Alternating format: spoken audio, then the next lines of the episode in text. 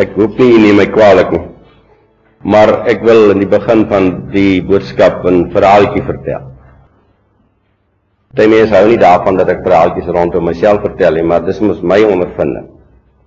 Dit is nie iemand anders se ondervinding. Ek vat dit terug so na die jare 1956 plus minus. Ek en my paas uit in die veld. Ek is 'n jong seun. Ons soek 'n sekere koei. Hy sê sy moet gekalwe het. Ons kry haar by 'n plek waar dis 'n groot veld, dis 'n groot stuk aarde gewees. Ons kry die koei. En toe is nader na aan kom toe sê my pa het gekalwe. In die volgende oomblik spring die kalfie onder 'n bos uit en hy vat die wêreld. Nou 'n beesboer sal weet as ek as 'n beeskalf skrik, dan stop hy nie sommer. Hy gaan deurdraad, jy keer hom nie. Behalwe vir die interessantheid dat ek daai dag gesien het my pa kan 'n spoor sny van 'n klein kalfie oor rande. Hy hardloop hy het net gestop weer. En eintlik kom ons by die lyndraad na 'n lang stap. En hy sien die kalfie en hy sê daai kalfie gaan teen die draad terugkom, jy moet reg wees. Nou goed, ek was seker toe daai tyd nog reg. En daar was net een kans, toe hy verbykom toe duik ek kom plat. Nou was dit ver terug bakkie toe. En wat maak jy met so 'n beeskalfie? Al wat jy doen, jy buig onder hom in, jy sit hom op jou skouer en jy stap terug. Geen ander pad. Jy buig onder hom in. Jy tel hom op. En al word so 'n klein kalfie swaar later aan jy dra hom. Jy dra hom terug na sy ma.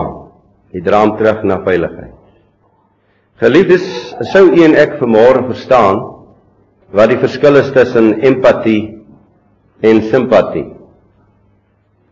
Dis twee woorde wat ons tog gebruik. Vanuit die sielkundige begrip is empatie dat jy saam met iemand volledig kan voel sonder om daardie iemand te word. Dit wil sê die empatie maak jou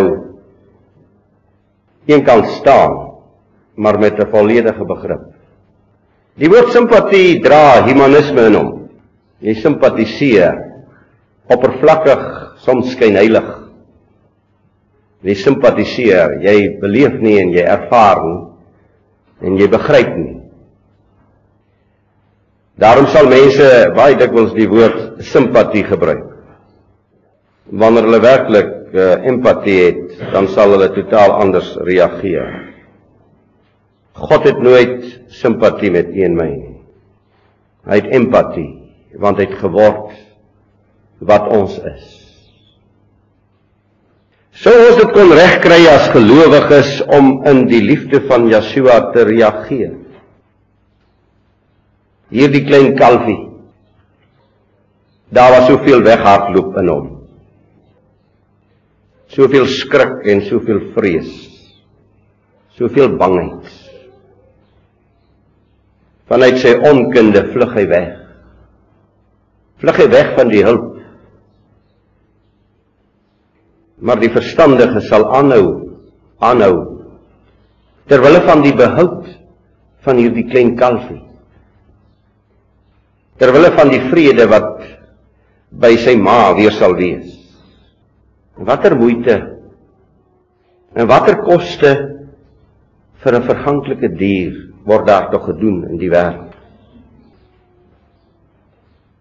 En vir die mens. Vir die onsterflike mens vir die onsterflike siel. Vir die baie wegkruipers en weghardlopers in hulle onkunde. Geliefdes die begrip liefde is vir ons so bekend so volop. Maar die begrip liefde dra in hom die empatie die opdrag die onontvlugbare. Het u en ek nog die oog, die oor vir die behoefte, vir die noodroep? In die tempel staan die sondaar en roep o God, wees my sondaar genadig. In die straat staan die veroordeelde vrou rondom haar hulle wat klippe optel. En Yeshua buig en skryf op die grond en kyk na haar en sê ek veroordeel jou ook nie. Gaan heen en sondig nie weer nie. By die skone poort sit die bedelaar, die blinde bedelaar. Hoeveel stap by hom verby in ons godsdienstige aksies. In die vrye boom sit die nuuskierige Saggeus. Hoekom is hy nuuskierig? Waarvoor klim hy in die vrye boom? Geweldige nood roep uit sy siel, o God, help my. Die roepende blinde van Jerigo. Rabboni, dat ek sal sien. Die duiwel besietende van Gadara wat uithardloop uit die grafte. Die vlugtende, wat het ek met u te doen? Maar dis sy roep. En ek lees die ewige verlosser sê ek het gekom vir die wat die geneesheer nodig het. En hy het tyd.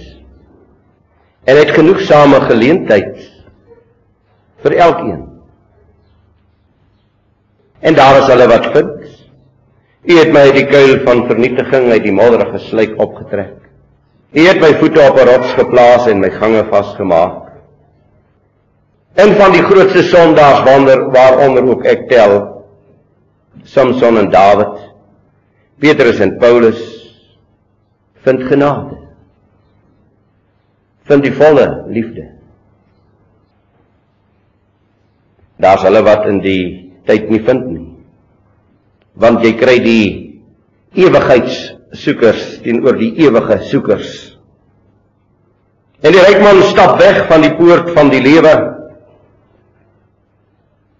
En Demas verlaat die dienswerk ter wille van die wêreld.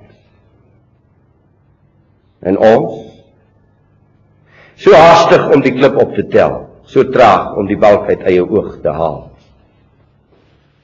So vinnig om te oordeel, so in 'n onvermoë om te vergewe. So haastig om te oortree, so swaar van begrip om te bely. En die apostel Jakobus skryf en ek lees dit vir ons. Hoofstuk 1 vers 19: So dan my geliefde broeders, elke mens moet gou wees om te hoor, stadig om te praat, stadig om toornig te word. Want die toorn van 'n man bewerk nie die geregtigheid voor God nie. Daarom doen afstand van alle vuiligheid en oorvloed van boosheid en ontvang met sagmoedigheid die ingeplante woord wat in staat is om julle siele te red. En word daders van die woord en nie net hoorders wat julle self bedrieg nie. Want as iemand 'n hoorder van die woord is en nie 'n dader nie, die is soos 'n man wat sy natuurlike gesig in die spieël sien. Want hy sien homself en gaan weg en vergeet dadelik hoe hy gelyk het. Maar hy wat diep insien in die volmaakte, in die liefde. Ek herhaal, maar hy wat diep insien in die volmaakte wet. Dan skryf ek daar in liefde. Maar hy wat diep insien in die volmaakte liefde van die vryheid en daarby bly. Hy sal omdat hy nie 'n vergeetagtige hoorder is nie, maar 'n dader van die werk, gelukkig wees in wat hy doen. 2 vers 17 Net so is ook die geloof as dit geen werke het nie in sigself dood. Maar iemand sal sê jy het die geloof en ek die werke. Toon my jou geloof uit jou werke. En ek sal jou uit my werke my geloof toon. Jy glo dat God een is, jy doen goed, die duiwels glo dit ook en hulle sidder. Maar wil jy weet o nietige mens dat die geloof sonder die werke dood is? Is Abraham ons vader nie uit die werke geregverdig toe hy Isak sy seun op die altaar geoffer het nie? sien jy dat die geloof saamgewerk het met sy werke en dat die geloof volkome geword het uit die werke? En die skrif is vervul wat sê en Abraham het God geglo en dit is hom tot geregtigheid gereken en hy is 'n vriend van God genoem sien julle dan nou dat die mens geregverdig word uit die werke en nie alleen uit die geloof nie. Om dit eenvoudig te stel, die geloof is die fondasie om die werk in die naam en in die krag van God te kan doen. Geliefdes, weet u en ek vanmôre om uit die geloof volgens die wil van die Vader te handel. Wanneer is dit blote humanisme? En wanneer is ek dienskneg van die Allerhoogste?